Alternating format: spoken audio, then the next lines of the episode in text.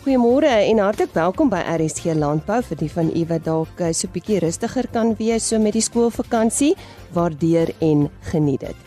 Op vandag se program, veiling nie soos altyd, dan praat ons met uh, eh, FNB Landbou se Dawie Marie oor uh, risiko's wat landbou in die gesig staar en ons praat ook met 'n boer, Frans Stapelberg, oor uh, die boer met beeste en wild. En ons gesels vandag oor die Griekwa stad skou wat sommer werklik om die draai is en ek praat met die voorsitter van die uh, reëlingskomitee en hy is Junior Ludwig. Junior ja, ehm um, net uh, gaga ons is so binne die week wanneer dit wel plaasvind uh, en wanneer presies is dit? Hallo Lise, ehm um, jong dit is die 7 8 29ste Maart. Dit is nou eerskomende Woensdag, Donderdag en Vrydag. En uh, probeer ons nou skou hou. En die hoeveelste skou is dit wat julle nou al hou, junior? En luister hier, ek gaan vir jou lieg. En kom 'n so interessante feit wat ek ook onlangs eers uitgevind het. Ons is al sedert 1940 aan die skou hou. So as jy nou die som kan maak, kan jy terugwerk en kyk vir die hoeveelste skoue ons nou. Sjoe, dit is werklik 'n werklik 'n paar jaar. En uh, is dit maar uh, die fokus daarvan, is dit sterk landbou? Ja, ja, dis kyk vroeër destyds toe dit begin het, was dit nou maar groot vee en klein vee en later het die boere nou beginne 'n um, bietjie grander raak en die Amerikaanse saalperde ingebring wat nou natuurlik maar jou trekpleister was daardie jare. En ehm um, ja, toe net dit het dit nou weer uitgeval want dit het 'n die, dier hobby geraak. En soos nou maar weer by net groot vee en klein vee. Dit is maar hoofsaaklik waar word die skou van. Nou ek sien as ek so na die program kyk, dit is van vroeg in die oggend tot seker laat middag of uh, wat is ongeveer die tye wanneer dit oop gaan wees? Ja, ons begin elke oggend 8uur en so 'n bietjie voor 8 gaan ons nou maar so 'n paar woorde praat en net op die regte manier die dag begin met skriflesing en gebed en so aan en dan 8uur wil hulle begin beoordeel en dan breek ons so vir middagete tussen 1 en 2. Die manne raak maar moeg van nou aan die krale staan. En uh, dan gaan ons aan tot ons klaar is want die eerste dag doen ons nou een ras en dan ons moet maar aangaan al raak dit donker ons moet klaar maak want dan is dit die volgende dag van tyd nie maar dit is gewoonlik so hier by 6uur 7uur se kant maak ons klaar. Ja, jy het nou gepraat van die beoordeling en dis waaroor ons volgende gaan gesels en dit is nou die verskillende uh uh vee kampioenskappe. Ek sien hier is van skape tot bokke, tot uh, tot beeste. So vertel ons bietjie uh, waarna kan uh, besoekers uitsien vanjaar junior? Ja. Ek wil nou vir jou sommer so sê, hoe sê hulle altyd watch this space. Volgende jaar gaan ons pluimvee by sit. Fantasties, fantasties. nee, ek maak sommer grap. Nee, luister hier ons ehm um, dit was saaklik, dit is wit dorpes en dorpes. Dit sal nou die uh, Woensdag 27ste wees. Ehm um, dit is 'n veldskou. Dit is ehm um, ons wil graag ons plaaslike boere akkommodeer aan want hulle is nie almal ehm um, stoetteelers nie. En dis maar die ouens wat ek meen waarvoor ons eintlik die platform hier het. Jy wil mos altyd jou kudde maar verbeter en hoe gaan jy weet of jy nog in tel is? So jy moet maar so 'n bietjie skouers skuur met die ouens wat dalk 'n bietjie beter is jy is of wat ook al. So dit is wat ons noem 'n veldskou. Dit is jou diere kom van die veld af. Maar ehm um, die die stoetouens mag saam skou, so die ramme mag net 'n bietjie afgerond wees en mooi gemaak wees, maar ons oeye sê ons moet van die veld afkom. Dit is nou Woensdag se skou. En dan Donderdag is ons hierdie jaar so gelukkig om die Noord-Kaap streekskampioenskap van die boerbokke en die savannas aan te bied. Ehm um, ja, dis ons baie groot voorreg om dit te doen. Ek dink dis die tweede maal in baie jare wat ons dit kry. En uh ja, dit gaan nou 'n ding oor 2 dae loop. Dit is nou maar heelwat diere wat daar gedoen word, maar ons begin ook die oggend 8uur, breek vir middagete in die aand tot ons nie meer kan sien nie en dan die volgende dag gaan ons aan.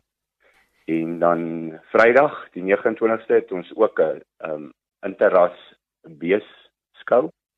Ehm um, dis ook maar kommersieel, maar die stoetboer kan ook sy goed bring as hy kan sien om teen kudde ouens te kompeteer en dalk verloor teen 'n kuddebil, dan is dit nou maar sy probleem. Maar ja, dit is so interras bees ook. Ook maar om net die plaaslike ouens ook 'n kansie te gee om darm ook te wys wat se staal hy het in die veld en so aan. Toegang en en daai tipe goed, um, is daar 'n hek fooi of hoe werk julle? Nee, ons toegang is gratis heeltemal. Jy kom net en geniet die dag saam. Ehm um, ons wil soveel moontlik voete trek want ehm um, ja, die skou is nou nie net vir die boer om te wys hoe goed hy is of hoe hy geseën is deur die jare of wat ook al nie. Ehm um, dit is nou maar om ons plaaslike mense ook so bietjie 'n boost te gee, 'n ekonomiese inspuiting of wat ook al. So uh, ons het nou kosstalletjies wat ons nou maar hoofsaaklik vir die plaaslike mense gee vir die kerke en ouete huis en so aan. Altyd. Wat is 'n skou sonder lekker eet, né?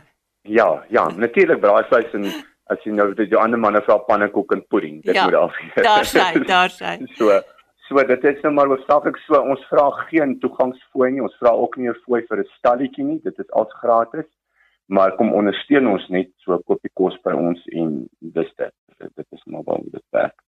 Nou ja, dit was die voorsitter van die Griekwa stad skou, sy naam is Junior Ludwig en net weer die skou vind plaas vanaf 27 tot 29 Maart, so dis nou sommer hierdie week en eh, dit is by die skougronde op Griekwa stad. Dit is algemene kennis dat risiko's hand aan hand loop met landbouproduksie en kenners voorspel dat 2019 beslis nie gaan terughou as dit by risiko's kom nie. Nou Dawie Marie van FNB Landbou gesels nou met ons hieroor. Ja Dawie, watter risiko's wag vanjaar op die landbousektor? Ons is nou al in ons derde maand, maar miskien kan jy dit net vir ons weer noem. Goeiedag Lise. Ja, ek dink uh, 2018 was uitdagend, maar dink 2019 gaan sy eie uitdagings vir die res van die jaar uh hou. I mean as jy mens gaan kyk net na weet hoe die jaar begin het, 'n klompie laat aanplantings wat gedoen is in die graanbedryf uh wat natuurlik op sigself 'n groot uh, risiko is vir alles se mense in ag neem dat ons dalk vroeë koue kan kry.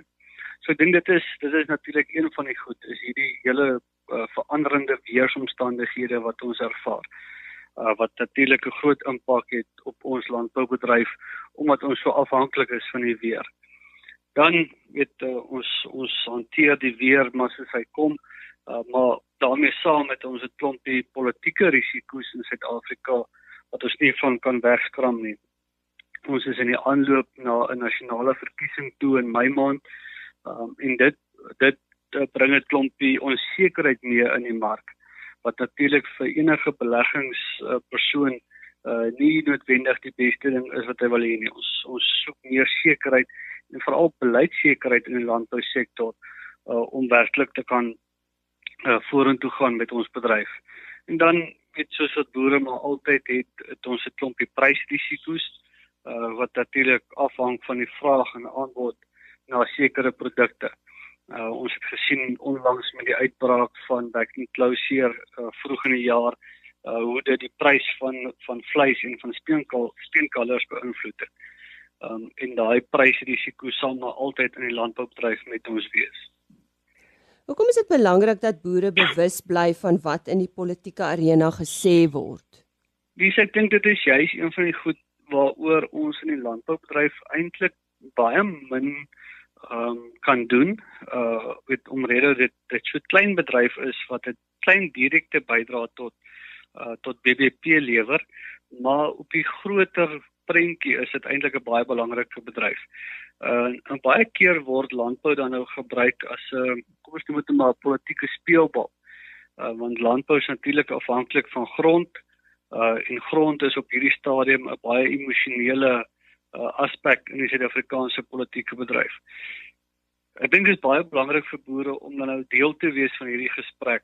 Ehm um, dat ons ons insette kan lewer op op elke moontlike vlak wat daar is. Uh dat die regering en die algemene man op die straat kan besef hoe belangrik kommersiële landbou werklik is vir Suid-Afrika in terme van uh die onderhouding van die plattelandse ekonomie byvoorbeeld ons het gesien wat in ons buurland in Zimbabwe gebeur het waar as kommersiële landbou val dan val eintlik uh, opkomende landbou en die hele plattelandse ekonomie daarmee saam. Die plattelandse ekonomie, die infrastruktuur is afhanklik van landbou uh, om onderhou te word. Watter politieke risiko's is tans die grootste? Is dit maar Lisa, ek dink op die stadium is die hele kwessie rondom grond en die onsekerheid uh, is maar is maar maar hoe kan ek sê bo aan die lys uh, wat betref die politieke risiko's wat daar is.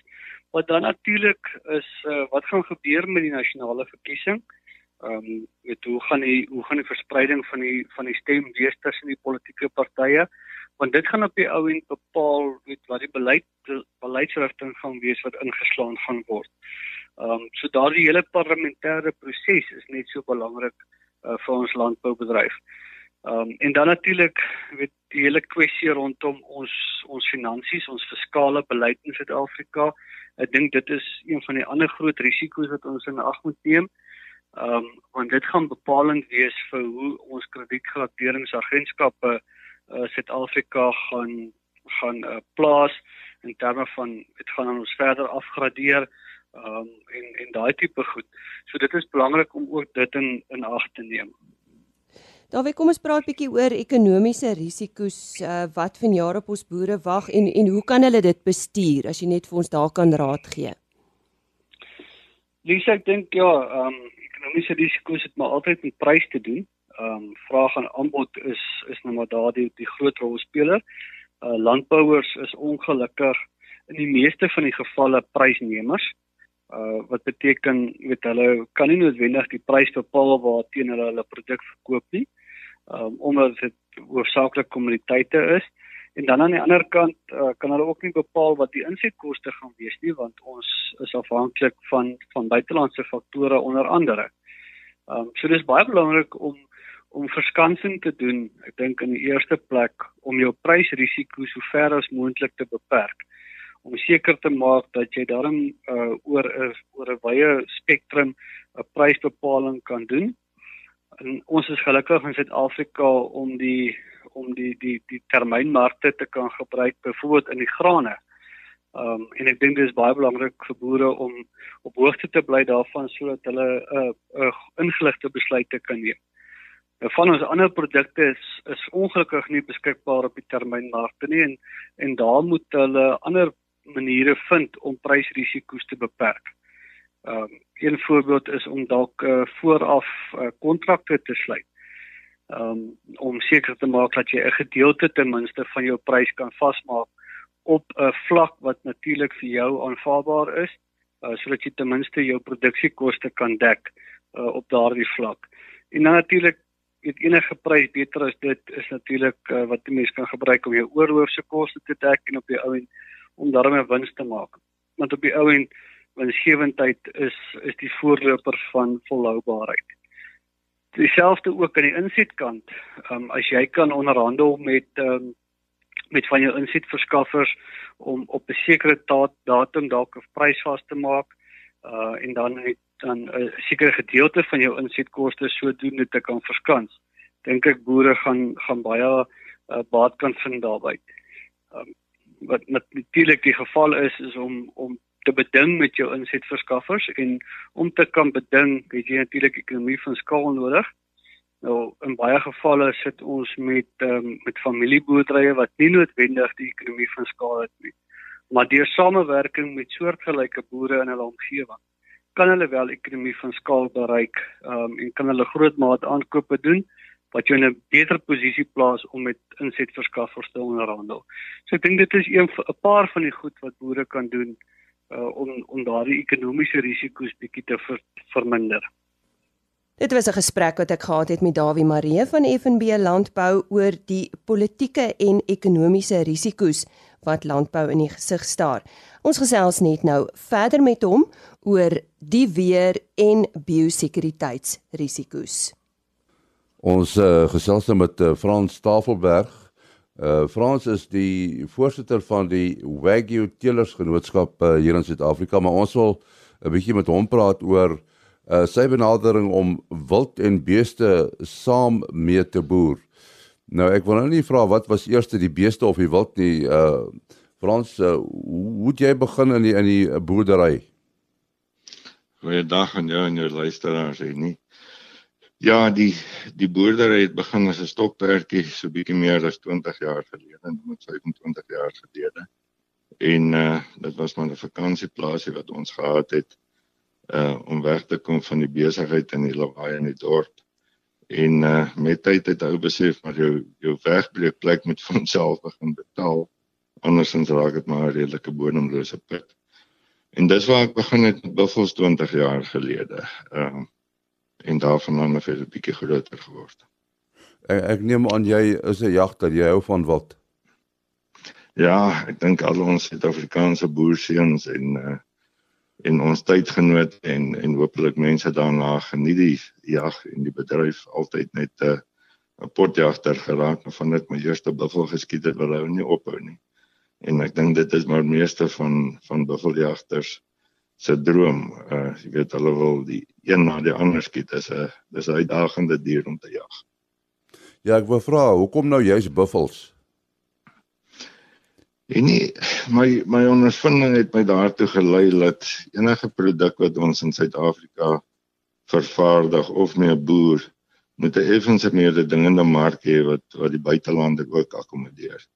Sodra ou in in daai bedryf is en dit het ek by die ingenieurswese ook maar geleer as jy bietjie kompetisie het vanuit 'n buitelandse verbruiker is jou lokale prys ook daarom beter as as net die gewone produk. En die buffel tradisioneel was maar iets wat net trofee jagters van die buiteland kom skiet het, maar Suid-Afrikaners raak ook baie betrokke daarbey. En is ook nou bereid om die premie te betaal wat die buiteland ook daar betaal. So wat jy eintlik sê is uh, dit dis 'n gesogte dier om te jag.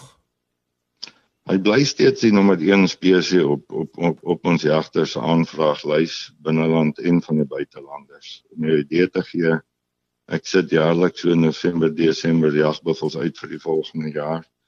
En al my jagbuffels is einde Januarie reeds bespreek gewees vir die jagseisoen wat kom. En wat is die uitdagings om met uh, buffels te boer? En ja, ek dink tradisioneel met met al die siektes wat buffels gehad het in die laafveld en nou natuurlik in die skoon gebiede waar ons met buffels boer, is daar baie uitdagings. Jy weet vir enige uitbraak van siektes soos die back and claw wat ons nou het. Kyk almal maar na die buffels, jy weet, maar feit van die saak is buffels is seker een van die skoonste diere waarmee daar geboer word in Suid-Afrika. Met al die protokolle in plek van die skei van buffels waar met toets on, onder andere dan nou vir back and claw En TB glo ek buffels is een van die skoonste produkte in die land op hierdie stadium. Jy weet maar, maar dit bly 'n draad van die siekte en dit bly 'n risiko vir die res van die land. Ou, hoe, hoe sensitief is die diere vir uh, droogte toestande? En nie uiteraard omdat dit nie 'n spesifiek geteelde dier is soos soos beeste en so aan nie, as hulle redelik bestand teen teen droogte. Jy weet ons in Marble Hall spesifiek kom ons uit 'n 4 jaar droogte uit Hierdie is die eerste jaar wat ons weer behoorlike reëns gehad het. En dit gaan goed met die buffels. Ja, mens moet aanvullende voer gee. Ehm uh, sodra jy heining om 'n dierspan moet jy bereid wees om hom te versorg, maar uiteraard nie so sensitief soos beeste nie. Nou ja, ons praat van beeste die wagyus. Die wagyus is soos hulle sê is 'n gonswoord. Uh, hoekom het jy op die wagyu besluit? Is daar 'n mark daarvoor in Suid-Afrika?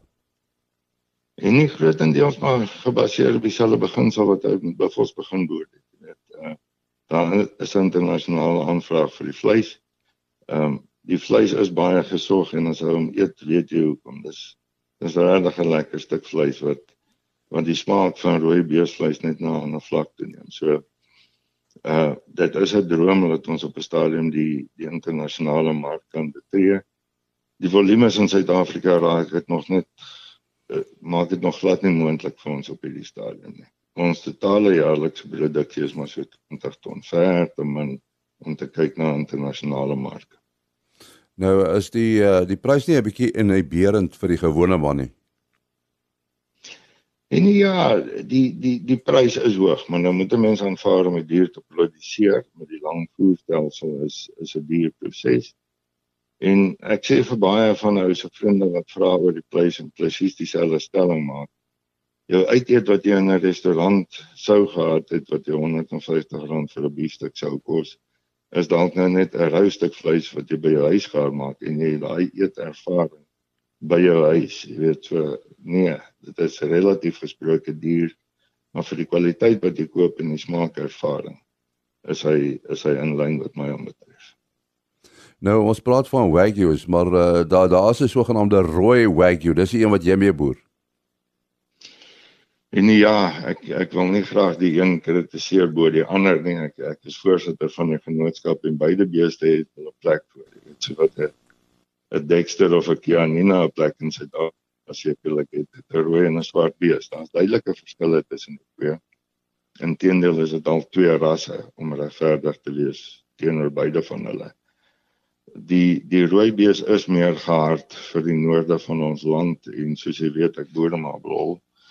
So vir my is het ek begin met die swart bees maar daar's daar's heelwat meer uitdagings met die swart bees in in ons bosluis toestande as met die rooi bees jy weet om vir my om om in te gaan oor die voor en nadele van van die rooi en swart bees te gaan dalk bietjie uh single track minded wees as ou vat my posisie in die vereniging ons sê baie dankie aan uh, Frans Stapelberg wat uh, gesels het uh oor sy boerdery. Dit is dan met buffels en wagyu beeste. Ja, vir die van ons luisteraars wat nou eens by ons aangesluit het, ons gesels met Dawie Maree van FNB Landbou en ons het nou uh, vroeër met hom gesels oor politieke en ekonomiese risiko's. En uh, nou kom ons by die weer. En nou dis altyd belangrik vir ons produsente, uh, Dawie. Watter landboubedryf trek tans die swaarste as gevolg van die droogte? Dis ek dink ongelukkig uh, die die grootste landboubedryf wat betref uh, produksie in Suid-Afrika is is natuurlik die graanbedryf. Ehm um, en ek dink op die stadium is hulle die meeste afhanklik van die weer en trek hulle die swaarste. Ehm um, ek het genoem van die van die droogte toestande wat ons ervaar het uh einde verlede jaar, begin van hierdie jaar waar daar 'n klompie laat aanplantings was uh wat wat sekere risiko's meebring. Uh, met die gevolg dat ek dink boere in die westelike gedeeltes van ons land wat met hierdie laat aanplantings uh, gesukkel het is juis sit hulle op jete kole uh en hulle hoop en bid dat ons nie vroeg ryp gaan hê nie want want dit kan natuurlik problematies wees uh vir daardie gewasse wat laat aangeplant is. So ek dink die graanbedryf is baie baie ehm um, weet hulle hou die hulle hou die wolke elke dag dop. Opvolgreën is baie belangrik uh in sekere gedeeltes. Uh om seker te om om, om seker te wees dat 'n goeie oes gelewer kan word. Dan weet ons ons moet nie vergeet van ons lewende hawe bedryf nie want as gevolg van hierdie droogte toestande wat ons ervaar het, dit is weidingsgroei nie na wense gewees nie en ek dink daar lê dalk uh, vir vir baie gedeeltes van die land 'n moeilike winter voor. Ehm um, wat wat weiding betref. Ehm um, en ek so ek dink ons rooi vleisboere is is net so afhanklik of of net so bekommerd oor wat die wat die toekoms kort en my toekoms vir ons inhou. Um as ek so luister en dit klink dit of vir die Weskaap daarom beter is as wat ons verlede jaar was. Um so ons besproeiingsboere in daardie opsig is daarom 'n bekende beter posisie as wat ons uh, verlede jaar hierdie tyd was. Nou wetenskaplikes meen dat uiterste weeromstandighede en klimaatsrisiko's al hoe meer gaan toeneem. Hoe beïnvloed dit finansierders in landbou, Dawie? Dis hier, dit maak dit natuurlik baie moeilik vir finansiëerders, ehm um, nie noodwendig die ehm um, hoe kan ek sê is 'n spate van die verandering in weeromstandighede, maar ek dink eerder die volatiliteit in weeromstandighede. Uh want 'n mens begin in in 'n in 'n produksiejaar die Augustus maand wanneer graanproduksie lenings uh, aansoek gedoen word uh voor deur die boere, dan begin 'n mens met 'n kontantvloei verwagtinge Ehm um, jy maak sekere aannames oor wat gebeur met langtermyn uh opbrengste. Jy neem 'n posisie in op 'n prys of jy 'n siening daaroor. Maar dan die weeromstandighede is altyd die onseker ene wat uh nie die boer of die bank beheer oor het nie. En dit kan 'n uh, kontantvloei en natuurlik op die ou end jou terugbetaal vermoë van 'n boer kan dit aansienlik beïnvloed. So dit is baie moeilik om daardie onbekende dan nou uh, in ag te neem wanneer 'n mens ehm, 'n uh, kredietaansoek uh, in ag neem. Maar ek dink op die stadium wat die meeste finansiële diensverskaffers en spesifiek dan nou by ons by FNB gedoen is ons ons neem aan en ons maak seker almal en ons hou die wetenskap dop uh om daarom as dit 'n uh, 'n baie moeilike jaar is ons praat van 'n deur die siklus kredietbeleid dat ons as sou die boere baie moeilike jaar beleef dat hy ten minste daarom nog kan oorleef. Dit is baie moeilik partykeer want ehm um, weet uh, baie van ons areas kom al deur 'n uh, 3, 4, 5 jaar droogte uh, siklus en dan moet 'n mens sekere uh, herstrukturerings in plek stel om ook daardie boere te help. So op die ou ende is is klimaat en weeromstandighede is maar altyd die onseker ene in die pakkie wanneer daar vir produksiekrediet aansoek gedoen word. Daarwie ons het met 2018 se listeriose uitbreking gesien dat biosekuriteitsrisiko's op verskillende vlakke 'n groot gevaar vir die bedryf inhou. Watter biosekuriteitsrisiko's gaan waarskynlik vir jaar 'n 'n rol speel? Dis ek dink um, die eerste en in in, in baie belangrik in die stadium is nog steeds die back and closure uh, uitbraak wat ons in Januarie gehad het. Ehm um, daar is 'n uh, lig aan die einde van die tonnel wat ons wat betref uitvoere. Uh, sekere van ons handelsvennote in die Midde-Ooste het alreeds begin om om uitvoere weer te aanvaar van rooi vleis. Ehm uh, die belangrike ene uh, China en natuurlik ook die grootste ene ehm uh, is is nog nie oop vir ons vir ons uh, uitvoere nie. Ehm um, so ek dink dit is belangrik om dit in ag te neem. Dan as gevolg van die die wisselende weeromstandighede, dit kan nou dalk 'n paar ander siektes uh, moontlik uitbreek. Ehm um, ek dink nie ons moet vergeet van slengtaalkoors so 'n paar jaar gelede nie. En in in in daardie opsig moedig ons juis produsente aan uh om om sover as moontlik hulle diere te ent. Ek dink dit is baie belangrik dat ons daardie inentingsprogramme op plase op datum hou want as ons werklik in die uitvoermark wil speel, uh, dan gaan naspeurbaarheid 'n baie belangrike uh, aspek wees uh, wat vereis word deur uitvoerlande. En en dit is een van die beginpunte is is jy jou biosekuriteit wat insluit jou jou inentingsprogram en natuurlik 'n hele klompie ander aspekte van biosekuriteit wat 'n rol gaan speel. Ehm um, dit is een van ons een van ons tekortkominge in Suid-Afrika is dat ons nog nie werklik 'n topgehalte biosekuriteitstelsel uh in die rooi vleisbedryf byvoorbeeld het nie. Hoe kan boere hulle self beter teen risiko's verskans? En ons het nou gepraat oor verskeie risiko's van polities tot ekonomies tot biosekuriteit. Wat sê julle? Dis ja, ek dink die eerste beginpunt is maar altyd versekerings. Ehm um, nou in baie gevalle is versekerings natuurlik 'n baie duur opsie. As 'n mens gaan kyk byvoorbeeld na na die veebedryf, is dit nie die die die die goedkoopste opsie om te volg nie. In ander gedeeltes van die land, byvoorbeeld in graanbedryf, uh in in die westelike gedeeltes raak dit ook al moeiliker om om ehm um, multirisikoversekering te kry. Maar op die ou end bly versekerings in die graanbedryf nog steeds 'n baie belangrike aspek dan weet natuurlik om jou jou jou risiko's uh, sover as moontlik te verminder, uh, moet 'n mens ook diversifiseer. Uh diversifikasie op plaasvlak is belangrik en ek dink die meeste van ons boere het dit daar daarom al onder die knie uh wat hulle uh, op plaasvlak uh, diversifiseer. Maar natuurlik ook buite die landbousektor. Um ons ons moet definitief nie net kyk na na op die plaas nie, maar natuurlik ook na na die wyeer ekonomie uh, waar dit moontlik is moedig ek produsente so so ver as as moontlik aan om ook buite die landbou 'n bietjie investering te doen.